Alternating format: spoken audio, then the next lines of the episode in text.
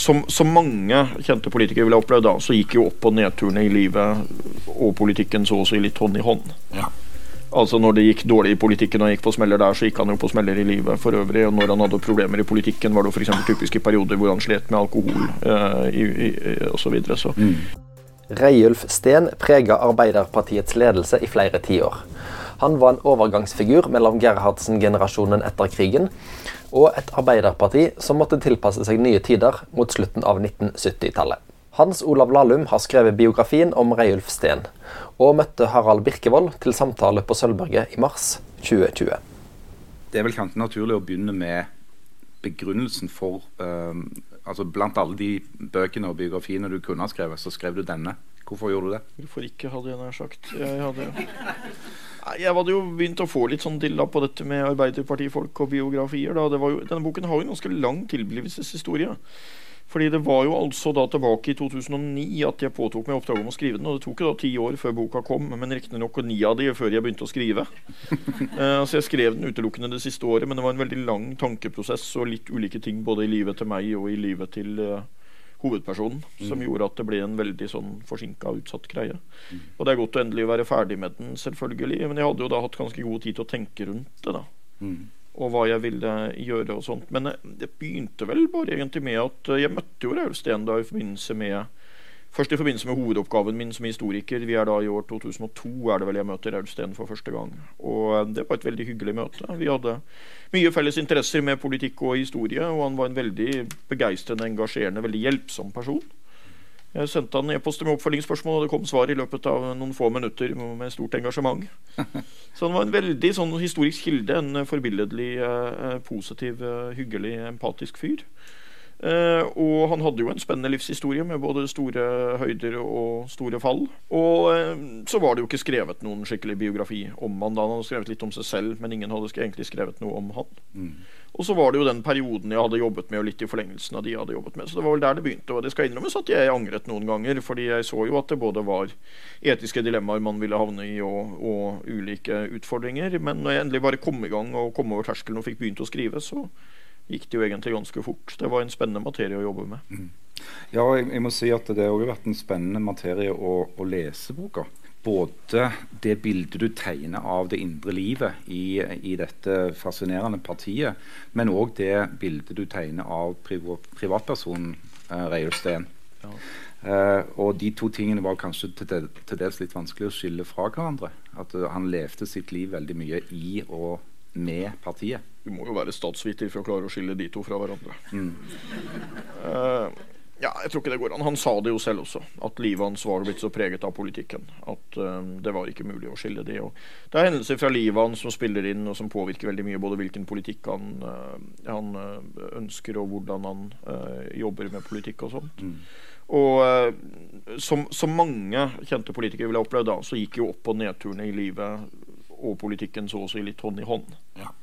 Altså Når det gikk dårlig i politikken og han gikk på smeller der, så gikk han jo på smeller i livet for øvrig. Og når han hadde problemer i politikken, var det f.eks. typiske perioder hvor han slet med alkohol uh, i, i, osv. Så, videre. så mm. det går jo ikke an å skille der, det kortet. Det blir jo, det blir jo slik. Og det, på en måte er det vel det vi ønsker, er det ikke det? At vi skal ha uh, politikere som er liksom helstøpte og lever et slags liv, da. Mm. Og ikke bare noe slags sånne figurer som bare er rene politikere, og som man ikke vet hva, uh, hva er ellers. Men mm. det er jo også klart at tiden har endret seg. altså på 70-80-tallet så var det jo en trend til at pressen på en helt annen måte enn før også begynte å interessere seg for, for privatlivet til politikere. og, og sånt. Og Det var jo en trend som Raul Steen var veldig bekymret over. At, at eh, presset mot privatsfæren til politikerne økte. Uh, og så er det jo et tema man kommer litt inn på her også. Da, at det er klart at jeg tror veldig mange av de toppolitikerne jeg har møtt, og det er jo etter hvert ganske mange, eller tidligere toppolitikere da, sitter nok igjen i en eller annen form med en dårlig samvittighet overfor familien. Mm. Raul Steen gjorde jo det i større grad enn de fleste. Han hadde også i større grad enn de fleste grunn til å ha dårlig samvittighet overfor familien. Mm. Men det er nok så å si en liten yrkesskade, det der. Altså, jeg tror veldig mange vil sitte igjen med den følelsen. Hvilke, hvilke konsekvenser fikk det mm. for barna, og, og hvordan gikk det? Ja. Mm. Tittelen på uh, denne biografien, 'Historien, triumfene og tragediene', uh, den gir jo ganske tydelig til kjenne at Reiulf Steen sitt liv var, ble sterkt prega av uh, tragedier og triumfer. og dette begynte tidlig. for å spole litt tilbake. da. Altså, Reiulf Steen opplevde å miste faren sin allerede som 20-åring. Ja. Eh, I hvor stor grad preger det han som person? Det preget jo for det første familien veldig sterkt. Jeg tror egentlig at på kort sikt så tror jeg egentlig at den emosjonelle siden av det var nok verre for de eldre søsknene og for moren. For Reiulf var yngst? Han var yngst av tre søsken, ja. Og han var altså da sju år da faren døde.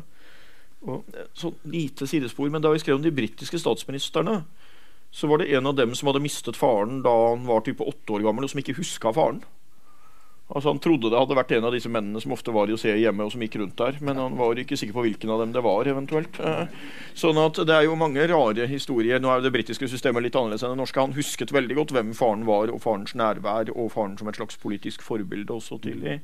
Faren var jo aktiv både i fagbevegelsen og, og, og, og, i Arbeiderpartiet også. Men han hadde nok ikke rukket så å si å etablere veldig nære bånd til faren sånn mm. sett. Um, men det preget jo veldig sterkt på den måten at familien rett og slett falt ned i en ganske dyp fattigdom etter at faren døde. Mm. Faren hadde vært arbeidsformann og hatt en ganske bra inntekt. Moren måtte jo begynne å jobbe på fabrikken noen få dager etter at faren var død.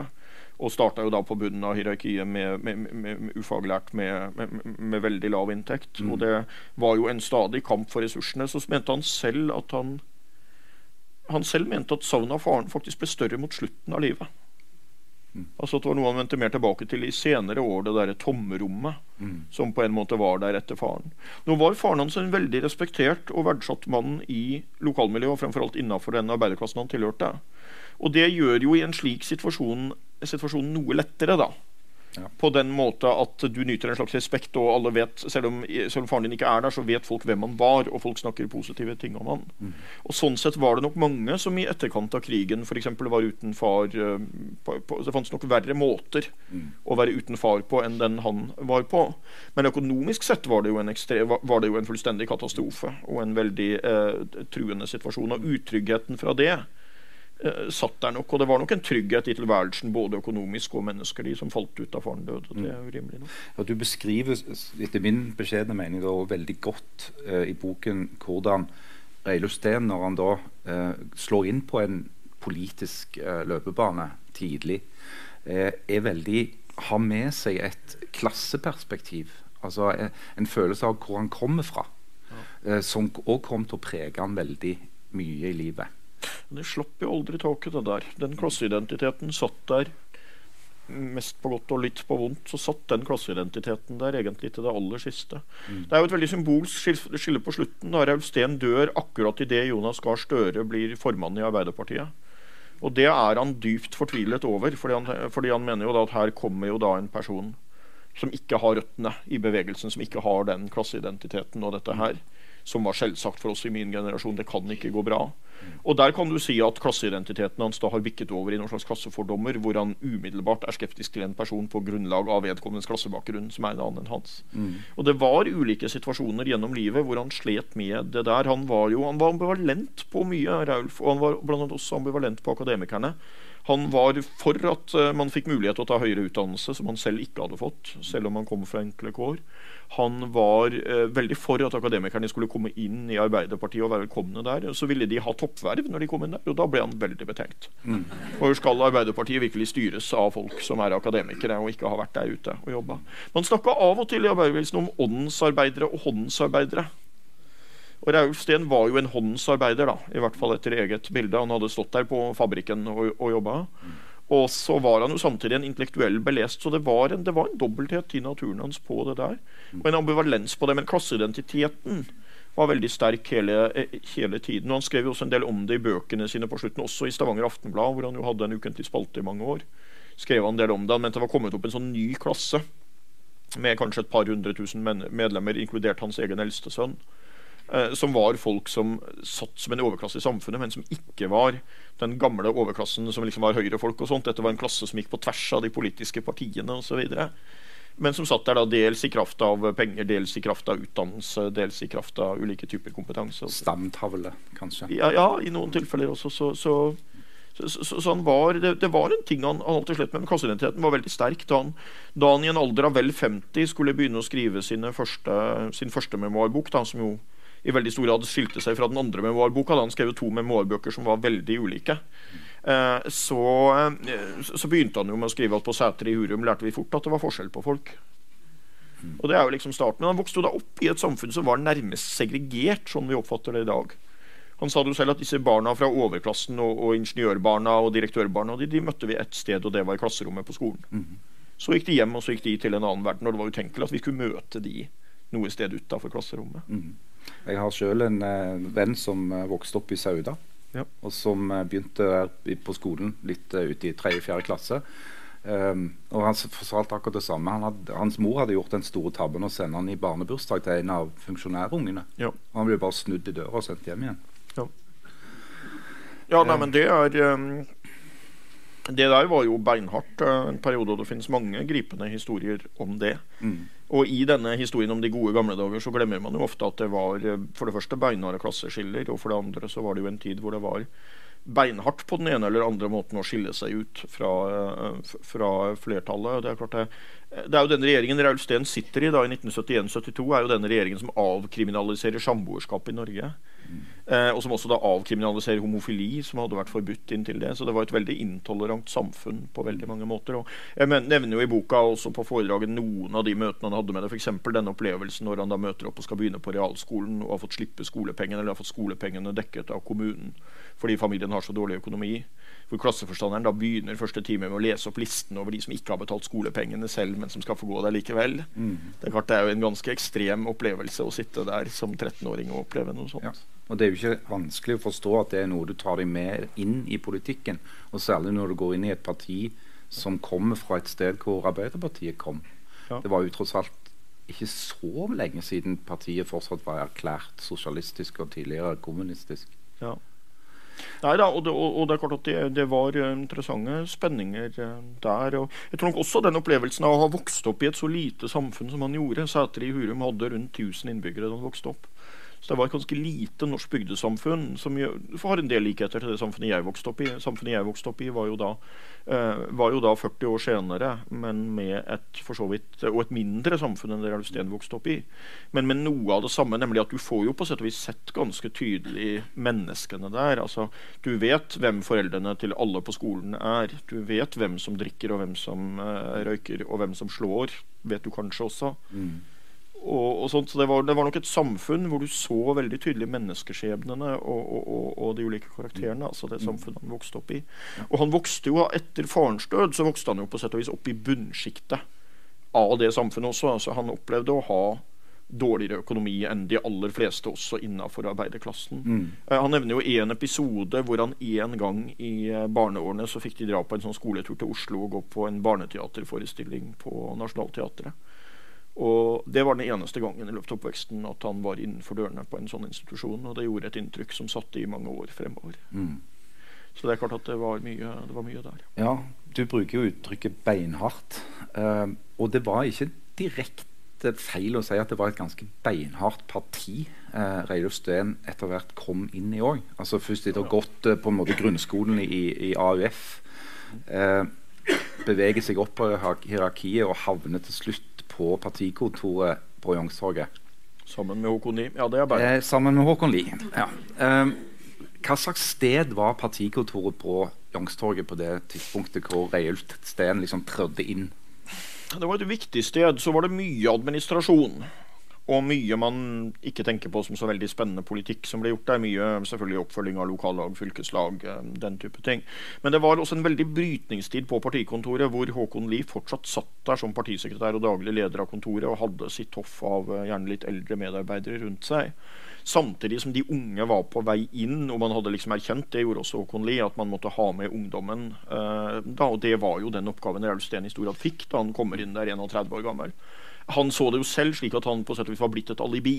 Eh, eller ikke et alibi, men jo, kanskje et alibi. Altså en, så, en sånn at eh, Oppgaven hans var ikke egentlig å modernisere partiet og gjøre det mer tilgjengelig for de unge. Oppgaven hans var å holde de unge inne ja. som medlemmer og velgere. Sånn at de følte seg representert? Ja, slik at de så at de var representert. Eh, men det var ikke snakk om at man egentlig ønsket å gjøre reelle endringer og tilpasse til ungdommens situasjon. Det var bare snakk om at man hadde innsett at vi holder på å miste de ut av båten. Mm. Ja. Og det er vel ikke feil å si det, heller at Reidulf Steen på det tidspunktet var en slags protesjé av Einar Gerhardsen? Eh, som til en viss grad sto i et motsetningsforhold til Håkon Lie. Ja, Det gjorde han jo i noen grad, men han hadde Det er litt komplisert, dette her. Det er jo Gerhardsen og Bratteli og motsetningen mellom de. Og når Rausteen kommer inn, så blir han nestformann når Gerhardsen går. Mm. Etter Trygve Bratteli, som rykker opp til partiformann. Og det var vel underforstått at han var Gerhardsen-fløyens mann, men nok ikke deres førstevalg. Det var nok en annen Oslo-politiker de sannsynligvis ville foretrukket å få inn før ham.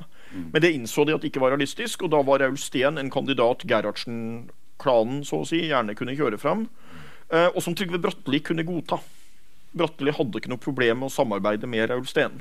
Så lenge han snakker, slapp å snakke med han? Uh, så, så, så, lenge han slapp å snakke, og så lenge han selv fikk være formann. Mm. Så var, uh, så, var, Men Bratteli, var, uh, Bratteli tok på sin lite sosiale måte så tok han genuint godt imot Raul Steen. Mm.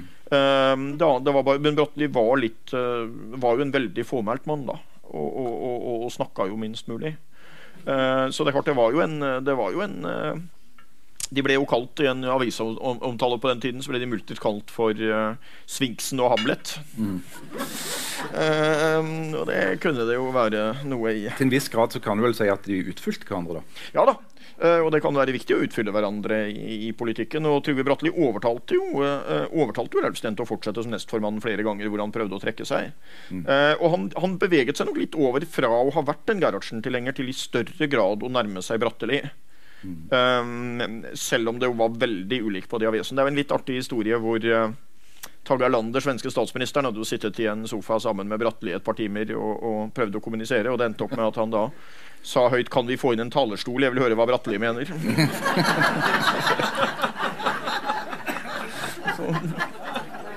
ja. Så det er klart at det var jo forskjellige Raulsten hadde jo en veldig velutvikla evne til uh, smalltalk. Mm. Og Det er jo en del historier på det. Altså, han der ene um, senere AUF-eren, som egentlig var jo en artig historie Han hadde egentlig var en ung, på den tiden ganske ukjent fyr som senere ble ansatt i partiet. som da hadde, Han hadde han hadde egentlig tenkt, og han hadde stemt på Arbeiderpartiet, men bare som et tredjevalg. Eh, han kom fra Sørlandet og så hadde han tenkt å stemme på Venstre, men så oppdaget han at Bent Røiseland sto på førsteplass på lista. og Da var det helt uaktuelt.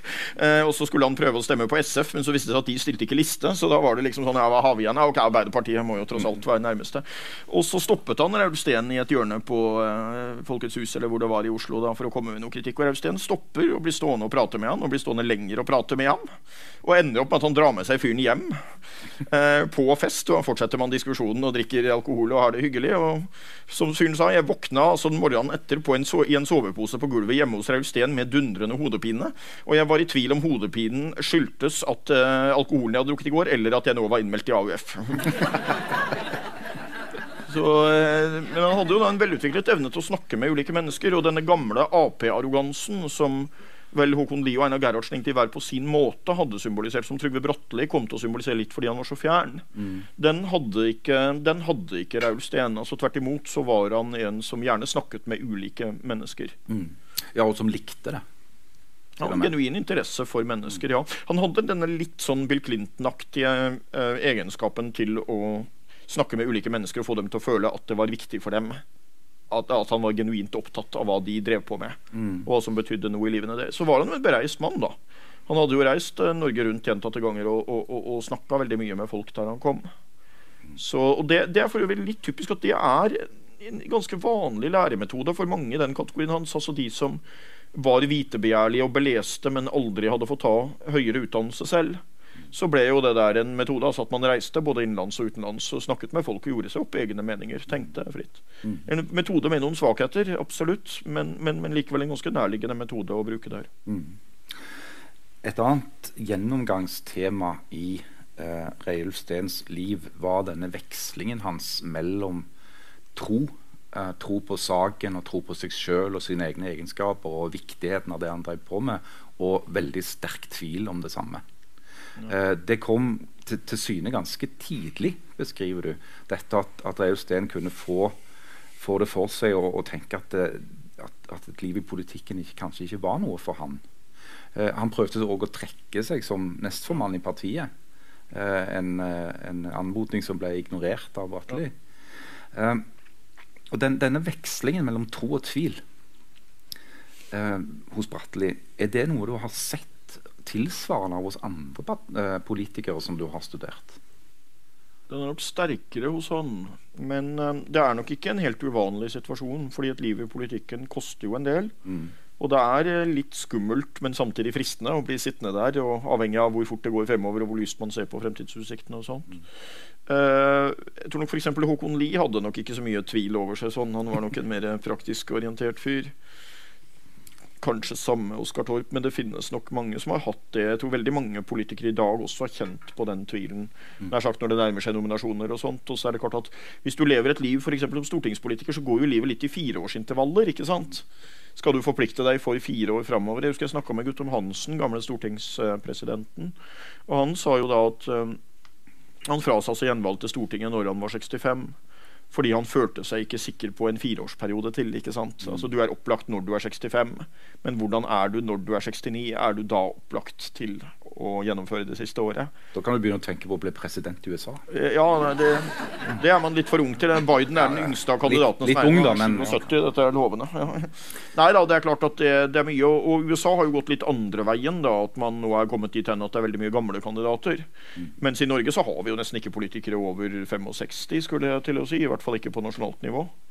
Så det, der er det jo eh, absolutt forskjeller. Men det var et veldig tilårskomment, litt sånn stivna oligarki som styrte da Raul Steen kom inn. da. Mm. Og han så det jo som sin oppgave å modernisere partiet og åpne det opp uh, for uh, folk. Og det lyktes han noe med. Og kanskje er det hans største fortjeneste at han holdt Arbeiderpartiet samla gjennom den veldig kritiske fasen som var under og etter EF-striden. Mm på 70-tallet, hvor det var en reell fare for at partiet kunne sprekke helt. Ja, For, for Reiulf Steen valgte jo til, etter noe tvil eh, å, å, gå med på, eller bli med på konsensusen i partiledelsen om at de ønska å søke å bli medlem. Eh, men han var samtidig veldig forsonende etter nederlaget i 72 eh, mot, eh, mot de som hadde stått for et annet syn. Ja, jeg tror at det handler om akkurat det du sier der. Altså, han var nok aldri i tvil om at han ønsket et norsk medlemskap i EF. Det, for ham så var det et ideologisk og politisk spørsmål, ikke et økonomisk spørsmål. Og det er jo der hele tiden. Han er jo en engasjert ja-mann i 72, han er en engasjert ja-mann i 94, og han forble en engasjert ja-mann eh, selv på eldre dager. Satt jo som leder for Europabevegelsen en periode på 2000-tallet, bl.a. Mm. Så det var han noe ideologisk tilhenger av. Men det går på akkurat det du sier, at når så avgjørelsen er tatt og folkeavstemningen har vært, så var det jo en del på ja-siden som nærmest ville hevne seg. og ville ha nei-folkene ut av viktige posisjoner. Og det ene med det andre. Og der var han absolutt ikke. Snarere tvert imot så ble han jo da en brobygger som sa at vi må snakke sammen i dette partiet, og partiet skal overleve EF-striden og, og, så videre. Så det ble jo en nøkkelrolle. Og det var litt symptomatisk for hele innstillingen hans. At man må lytte på ulike mennesker. Og han ble jo også både både ute på venstrefløyen i eget parti og over i SV, så ble han nok oppfattet som en veldig dialogorientert person. Mm så var man tidvis litt i tvil om hvor sterk han var, og om han mer var et venstreside-alibi eh, enn om han eh, var en reell maktfaktor. Mm. Ja, for det er, en, det er, en, slags fascinerende dobbelthet med Reiulf Steen der, sånn som jeg vurderer det i alle fall, eh, med den sterke klassebevisstheten han hadde med seg inn i politikken, så valgte han likevel å følge linja til partiet med ganske mange sånne veiskiller og gå for eh, standpunkter som ikke nødvendigvis var de mest radikale han kunne ha valgt.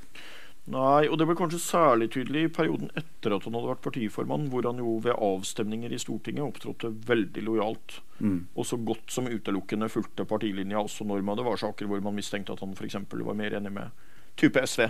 Mm. Eller for den saks skyld i europapolitikken mer enig med Høyre. Altså, eh, Eh, det, det, er klart, og Han er jo en sammensatt fyr. Han har noen hjertesaker som ligger der hele tiden. Da, det internasjonale samarbeidet, arbeidet mot atomopprustning og for nedrustning, eh, utdanningsreformer, hvor han jo på noen områder var veldig framsynt. Altså, Leksefri skole var stor tilhenger? Ja, for eksempel, ja. Det var jo ikke der han traff eh, eh, Eller jo, altså leksefri var noe så sin sak, men karakterfri skole han var eh, tilhenger av. Det er litt verre. Unnskyld, min feil. Det var ja. Ja, eh, leksefri tror jeg ikke var aktuelt da. Men, uh, men, men uh, det er klart at du, Tiden er jo litt nådeløs da, hvis du ser på hva de store politikerne sa så får du jo noen sånne rare opplevelser. Jeg satt jo og bladde mye i referater fra Stortinget og så på hva de store gutta hadde sagt. på tidspunktet. Det, det, er klart det er noen ganske grove skivebommer for de fleste hvis du eh, ser det 30 år i ettertid. Og det er klart Raulstens gjentatte insistering på at man burde nasjonalisere eller sosialisere, da, ikke bare bankene, men også forsikringsselskapene var jo ikke akkurat den veien det kom til å gå. Og det kom ikke til å gå til en karakterfri skole heller. Men så var det andre saker, f.eks. toleranse overfor f.eks. Uh, uh, homofile. Uh, når det gjaldt det flerkulturelle samfunnet, veldig mange sånne ting. Så sto han jo for ting som han i dag vil si var det virkelig motstand mot dette.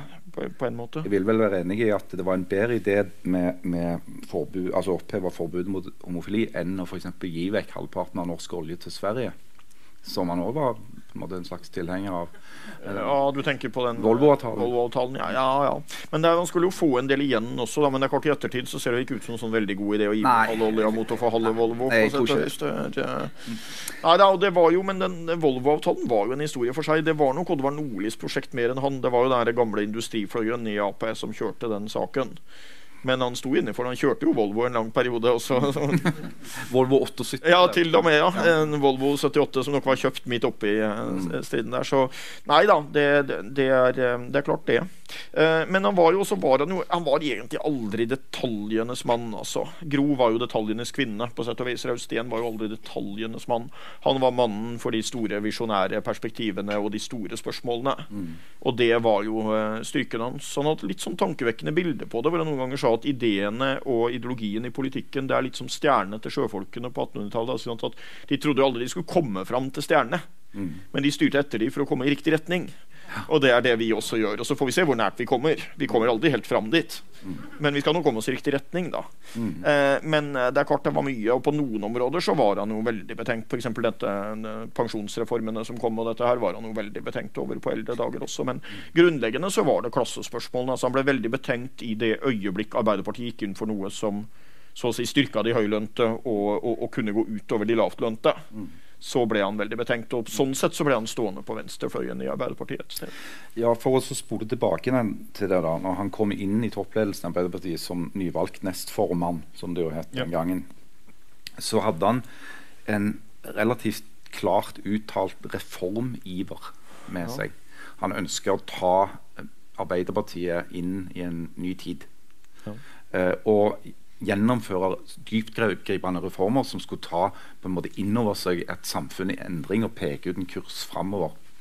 Um, og Du har selv sagt at, at, på enkelte områder så lyktes han kanskje med det. Mm.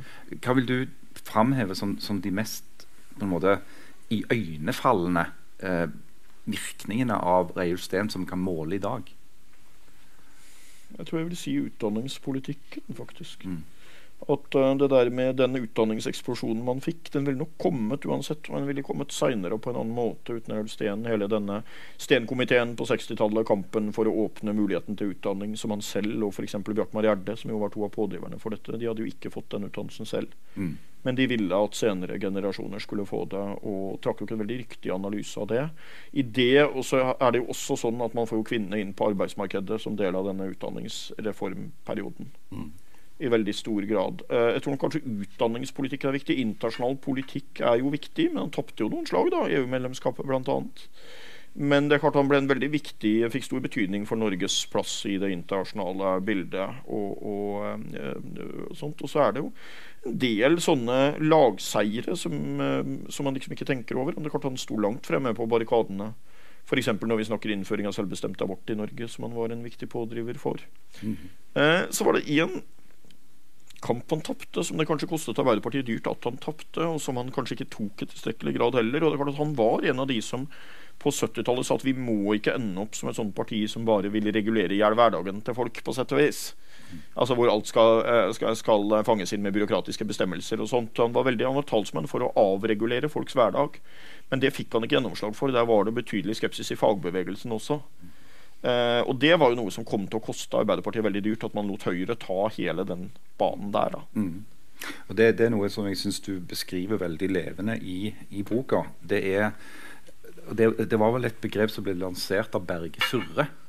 Altså dette med den perioden der, hvor på en måte Arbeiderpartiet sto på, på, den absolutte toppen av sin makt og, og fikk en slags sånn sosial demokratisk eh, transformasjon Ja, en sosialdemokratisk orden. Eh, og noen hevder at den orden opphørte i, i 77, når, eh, når finansminister Kleppe begynte å deregulere. Ja, eller kanskje i 78. altså Det var rundt perioden der. Mm. Ja, og han var nok betenkt over det, men det var en periode som var veldig krevende. Både internasjonal økonomi, krevende omstillinger i Norge, og ikke minst en krevende periode internt i Arbeiderpartiet. Ja. Det skjedde veldig mye da, men det er klart at det er, hvis du ser på formannsperioden hans alt i alt, var jo ingen stor suksess. Den starta ganske bra. Til og med valgseieren i 77 så får vi vel si at det gikk rimelig bra. Men det er klart siste del av perioden var tøff, og det, og det er, der er jo en sånn stor unnlatelsessynd som står igjen i ettertid. Altså at man, det var jo merkelig at man tenkte veldig sånn Man var veldig redd for å gi fra seg noe som helst, på en måte. Og, og det, er, det er jo sånn for eksempel, veldig typisk da når man diskuterer NRK-monopolet, som jo i dag vil synes det er ganske rart at man prøvde å opprettholde så lenge man gjorde. Um, og Der var jo Raul Steen en av de som da sa at uh, vi, vi, må få mer, det kommer til å bli nødvendig å ha mer enn én TV-kanal i Norge. Men så kom jo denne bevegelsen innenfor LO, da, hvor man foreslo at uh, hvis man skulle ha mer enn én TV-kanal, så kunne man jo ha, ha, NRK, så kunne man jo ha én TV-kanal som var eid av LO. Ja. Uh, og det hadde jo vært flott, for da er jo hele problemet løst. Så man tenkte liksom veldig smalt innafor sånne da. Det var jo et sånn eksempel, Også på den tiden så var det et forslag som verserte innenfor fagbevegelsen i Norge om å innføre lovforbud mot hjemmekontor. Mm. Og Det er vel også en sånn ting som neppe ville bli oppfatta som en sånn stor bedring av friheten i hverdagen til uh, folk i dag. Så man tenkte veldig konvensjonelt, altså. Mm. Uh, da det ble snakk om å innføre uh, Det var snakk om computerne inn i arbeidslivet og det, så var det jo blant annet en LO-forening i Oslo som krevde at man da skulle få en statlig garanti for at ingen mista arbeidsplassen som følge av computerne. Mm. Og Det er klart det er også en ganske sånn vill situasjon i dag å, å tenke seg. Det, klart, så det var en omstilling der som man gikk litt sånn veldig motstrebende inn i. Ja. Og, og, og, som selvfølgelig også var en hva skal vi kalle det, unnlatelsessynd da, for, på Aulsteens post. Selvfølgelig ble det det. Mm. Men altså, i en, i en samtale om uh, Reiulf Steen så er det òg helt nødvendig, uh, for å holde oss til det politiske ved hans liv, da, uh, å komme inn på dette som skjedde når Reiulf Steen da etter hvert ble uh, partiformann, men ikke statsministerkandidat. Ja. Som var en veldig, veldig uvanlig situasjon i, i Norge. Ja, norsk politikk. Det kan jo problematiseres litt. da. Den er litt preget av at man sitter og ser, vet hvordan det gikk, og så sier man at det var jo åpenbart fra start at det var en dårlig løsning. på sett og vis. Eh, det, man hadde jo Altså Høyre for eksempel, hadde jo delt opp de funksjonene. Det var jo ikke en uvanlig situasjon i Høyre. Mm. Men i Arbeiderpartiet hadde, var det jo det? Uh, ja, det, i Arbeiderpartiet var det uvanlig, ja. Mm. Det hadde forekommet i noen korte perioder og ikke fungert så veldig bra. Mm. Og det har vel egentlig ikke gått så veldig bra senere heller, men, men, um, men um, det var ikke en sånn åpenbart dårlig idé at Oddvar Nordli, som hadde levd eh, nær sagt hele sitt politiske liv i Stortinget, at han var mer kvalifisert til å være statsminister, og at Raulf Steen, som kom fra partiapparatet og hadde vært nestformann i ti år, ville bli en god partiformann. Det var lett å argumentere for at de hadde egenskaper tilpassa det. Mm. Men det er klart, de, kommunikasjonen etter hvert ble jo såpass dårlig, og det var jo interne motsetninger i partiet og, og helseproblemer for begge og sånt, så det, det kom jo til å fungere dårlig. Mm. Det var en av de veldig rare situasjonene på slutten. Et av de siste møtene jeg hadde med Raulf, var i 2012. da Audun Lysbakken hadde gått ut av regjeringa pga. jentebrigadesaken og det, så skulle han bli partiformann likevel. Og Da bemerket jo Raul Steen til meg at han mente det var en historisk helt unik situasjon. Han mente man måtte tilbake til Gerhardsen og Torp på 50-tallet for å finne en situasjon hvor et regjeringsparti hadde en partiformann som ikke satt i regjeringa. Han selv satt ikke i regjeringa mens han var partiformann. Så det, det, det, men det kom han ikke på akkurat? Nei, det, han, De siste årene var jo hukommelsen veldig dårlig. da mm. og, og, det var litt trist å oppleve. Mm. Men det var litt sånn komisk at han da ikke husket at han selv Fem av de seks årene han var partiformann, satt han ikke i regjeringa. Dette med eh, Reiulf Steen sitt eh, privatliv Vi har jo allerede, eller Du har jo allerede vært inne på at for en person som han så er det jo nesten umulig å skille ja. eh, den private Reiulf Steen fra den, den, offentlige, så å si. Ja. Men hans liv var jo prega av ikke bare tragedier i form av eh, tap av nærstående, eh, men òg skandaler som vi må kunne si at han til dels hadde ansvar for sjøl. Å ja. Oh, ja. Uh, en person med Reiulf Steen sin livsførsel, uh, hvordan hadde det gått med en sånn person i dagens medieverden? Og nå skal jeg ikke navngi noen, men det er nok et relevant spørsmål hvordan det går med noen av de som har litt samme Jeg syns jeg jo la meg veldig forsiktig der. Ja. Ja, det er jo uh, Ja. Nei, ja. nei, nå holdt jeg på å fortelle en liten historie fra Storbritannia igjen. Men altså, nei, nei, Jeg tror nok at det er mye som skjer. Og vi har jo faktisk nå i den siste perioden fått en liten sånn bølge med det du kan kalle skandalesaker av ulike slag. da med politikere og metoo-historier og, og, det ene med det andre og, og, og, sånt. Så det er nok mye rart som skjer i livene til kjente politikere der ute også i dag. Mm. Uh, det, en, en, liten parallell der tidlig på 2000-tallet i Sverige så hadde man jo Gudrun Schyman, lederen for det svenske venstrepartiet, altså svenske SV. Der var det jo sånn at hun hadde jo et alkoholproblem, og det visste man veldig lenge ikke. Også på et tidspunkt så ble jo det offentlig kjent mm. at hun i hvert fall i perioder hadde et alkoholproblem. Og hun fortsatte jo som partileder og, og politiker og det ene med det andre. Uh, sånn at uh, det finnes jo eksempler uh, på det i nyere tid. Og det er jo definitivt politikere etter Aud Steen som har hatt problemer både med angst og alkohol. Mm. så det er nok fortsatt noen skjebner der. Men det, klart, det var jo en tid hvor media det, eksempel det som skjedde i 77 da, i valgkampen med denne berømmelige togturen mellom Oslo og Hamar da, på, i valgkampen, altså et offisielt valgkamparrangement. Hvor både Raul Steen, Oddvar Nordli og flere andre medlem, eller flere sånne andre som sitter høyt oppe i Arbeiderpartiet, blir sterkt alkoholpåvirka. Og journalistene Vi må vel kunne si at de var dritings på godt nå? Ja, i hvert fall. altså Oddvar var den som drakk mest ved den anledninga. Eh, det var nok utypisk, men, men ja. Um, og, og uh, også det eneste som redder det, er liksom at journalisten ikke kan skrive om det fordi de er såpass alkoholpåvirka at de ikke er i stand til å skrive om det. det er liksom uh, Og der har du jo noe sånn med slags toppfolkenes partnerskap, eller hva du nå vil mm. kalle det, at man trakk det veldig langt da. Mm. Med at det er sånt man ikke skriver om. Og, og, og, så er det lett å si i ettertid at man trakk det kanskje for langt. Og det finnes det episoder av i nyere tid også, men det har endra seg. Media er veldig kritiske på ting som gjelder økonomi i Norge. Hvis det er noe mistanke om at du har fått noe du ikke skulle ha, mm. fått en etterlønn eller et eller annet sånt, så er det en eller til og med to, hadde jeg nær sagt. Eller en dobbeltlønn og en etterlønn, eller hva det blir. Så, så, så, er media veldig på vakt, og det skal man jo være. Så er det nok mye rart som man har sett gjennom fingrene med i privatlivet til eh, politikere mm. også i nyere tid. Men en kan jo spørre i hvilken grad har private forhold, f.eks. For eh, av utenomsekteskapelig karakter, ja. å gjøre i mediene i det hele tatt? Hvis det ikke påvirker eh, personens eh, politiske virke? Det, ja, det gjør det jo, da. Eh, men det er jo en sånn ting man selvfølgelig kan diskutere. og det er klart at det er jo for en politisk biografi så kan man jo godt si at om du har et utenomekteskapelig forhold til en person som ikke har noe med politikken å gjøre i det hele tatt, mm. så kan du jo si at dette er jo et rent privat anliggende. Mm. Så vil jeg jo kunne si at hvis det er en KrF-politiker, i hvert fall, så vil det jo være en ganske iøynefallende dobbeltmoral, da. Eh, som kanskje ville være mindre i et tilfelle som Raul Steen, som jo var erklært veldig liberal i sånne saker. Men det er jo likevel en del av bildet om historien og forholdet til familien og det ene med det andre. Og hvis det da er snakk om at man har et påstått forhold eller et reelt forhold til en annen toppolitiker, mm så vil det jo absolutt kunne ha politiske implikasjoner. Og det har jo vært mye. Men på, Hvor er det blitt av alle de der høyrefolka som klaget over at folk i Arbeiderpartiet har forhold til hverandre? Jeg skjønner ikke det. Etter at de kom i regjering, så har det forsvunnet helt. Det, ja, det har det er blitt veldig stille. Ja, men det er jo absolutt et relevant eh, perspektiv i politikken. Og på en måte, altså Én ting er jo to personer som er gift med hverandre og har et offisielt forhold i politikken. Det er jo på en måte en oversiktlig situasjon.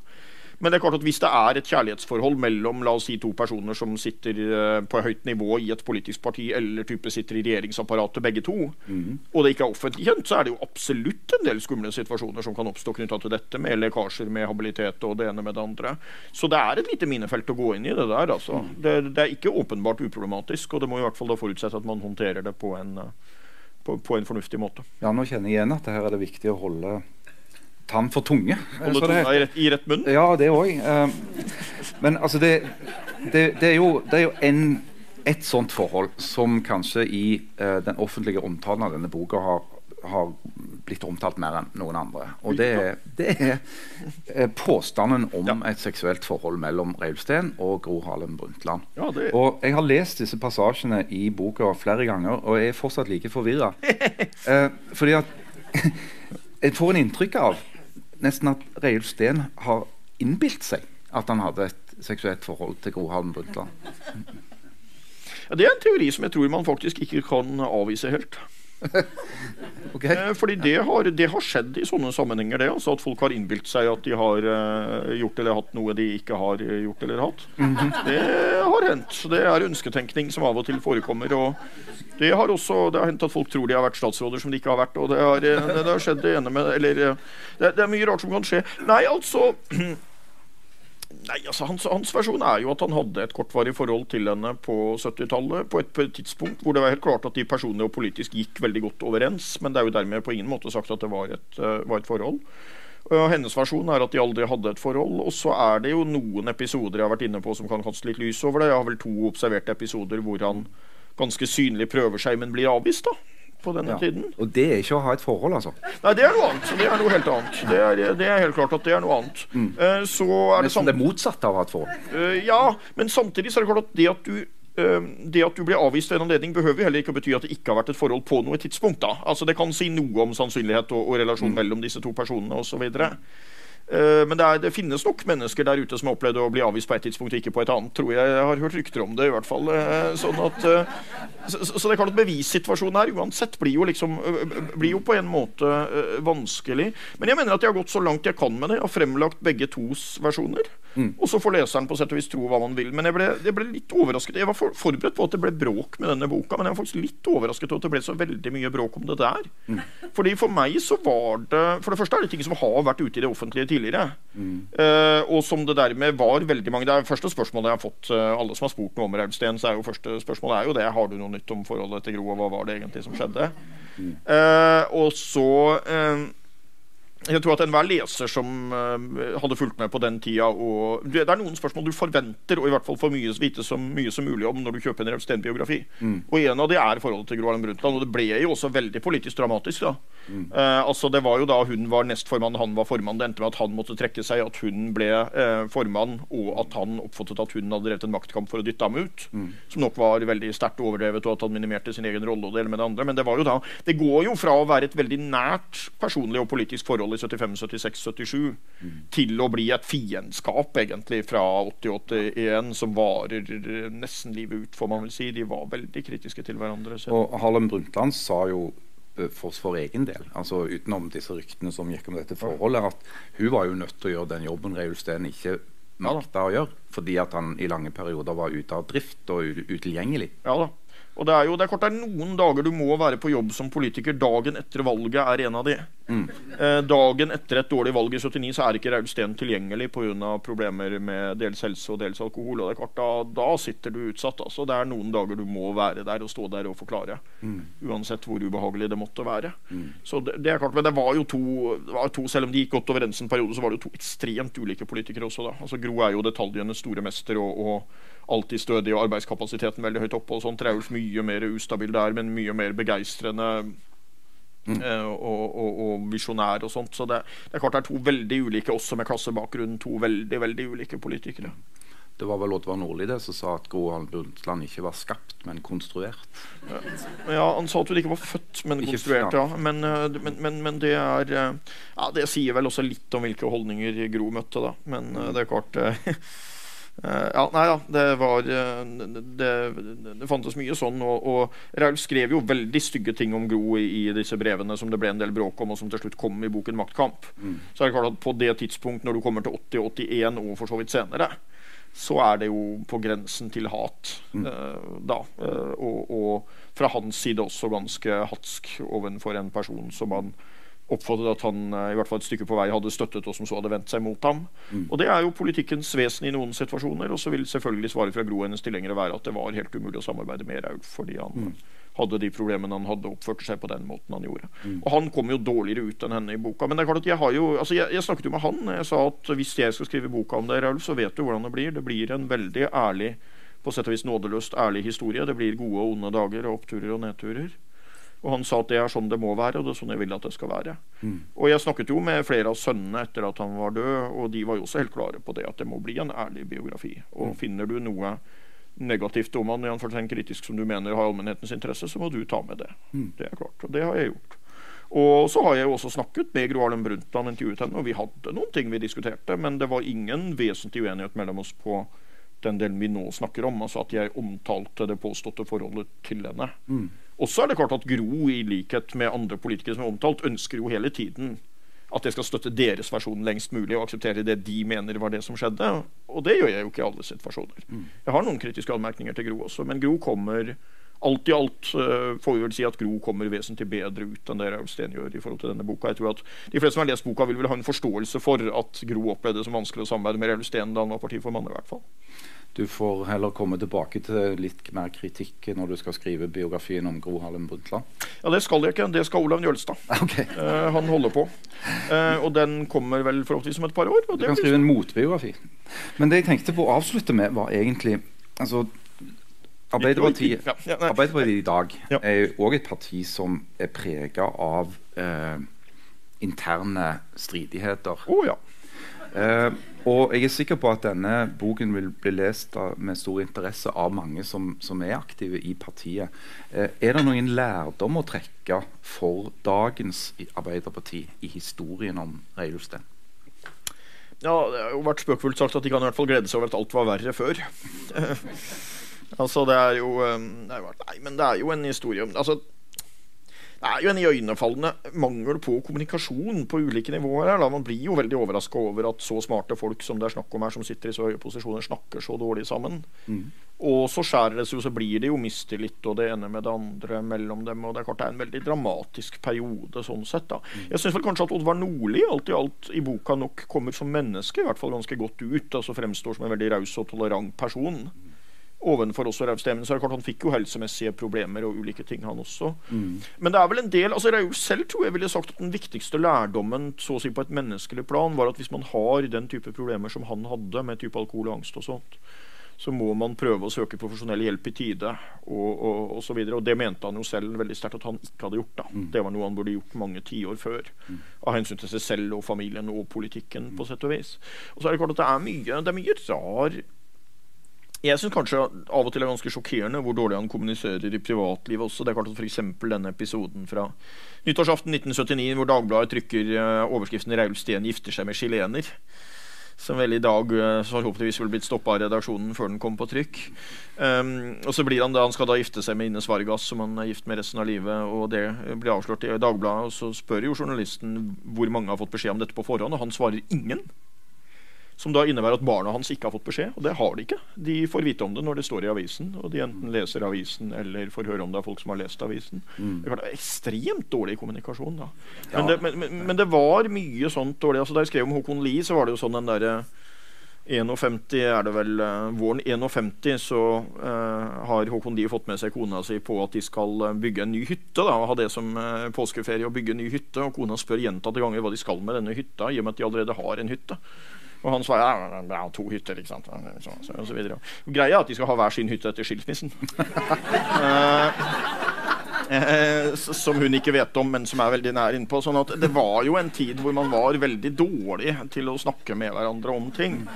Men det er en ganske ekstremt dårlig kommunikasjon internt i partiledelsen i Arbeiderpartiet. I, i forskjellige former. Først, ikke sant? Først Gerhardsen, Bratteli, så Bratteli, Steen, Ronald By, ikke sant? og så over også på den situasjonen med, med, med ham og Gro og sånt. Så jeg tror nok at det å lære om å snakke med hverandre og, og, og, og, prøve å samarbeide med folk man må samarbeide med, selv om man personlig ikke alltid går så godt overens med dem, selv om man har politiske uenigheter, er nok, er nok ganske viktig. Og så det klart, det er jo det er jo noe grunnleggende med både organisasjonsformer og ryddighet eh, i mm. ting der også. Men, men, som sagt, jeg tror at historien om Raulstein kunne blitt helt annerledes hvis han hadde gjort det han senere angret på ikke har gjort, nemlig å oppsøke profesjonell hjelp for disse problemene han hadde tidligere.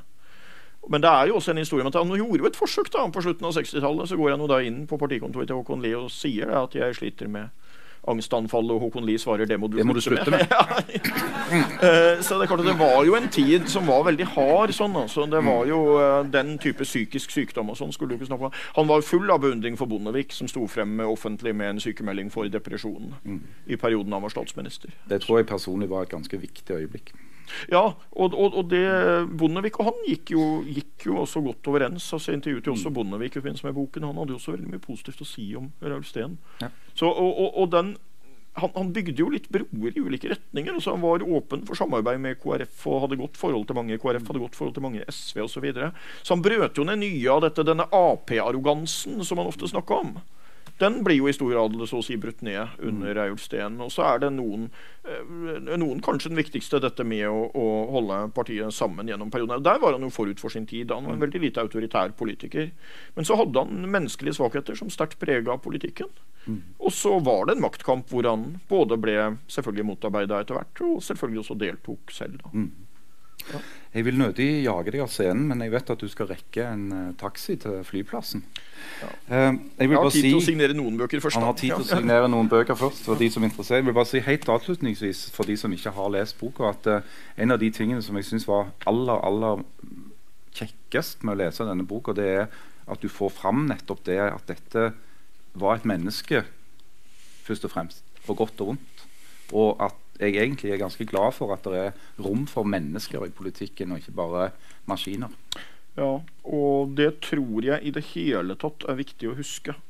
At politikere er også mennesker, og ikke minst, vi har vært litt inne på det, politikere har familier, og politikere har styrker og svakheter og gode og dårlige dager. og Det må man også huske. Mm. Jeg husker en sånn, en sånn, rar debatt fra 80-tallet som jeg da satt og så på som barn, hvor det, man skal diskutere eldreomsorg, og hvor det er en sånn eldregeneral som slår i bordet og sier at dere politikere som sitter rundt bordet her, aner ikke noe om virkeligheten utover eh, sånn. Og så viser det seg jo at alle politikerne som sitter der, har eller har hatt gamle foreldre som har bodd hjemme hos dem. ikke sant? Mm. Eh, så politikerne er jo også mennesker oppi det hele. Mm. Og det får man i hvert fall et sterkt inntrykk av i denne boken, vil jeg mene. Det er en svært menneskelig historie, om man skal si det sånn. Tusen takk.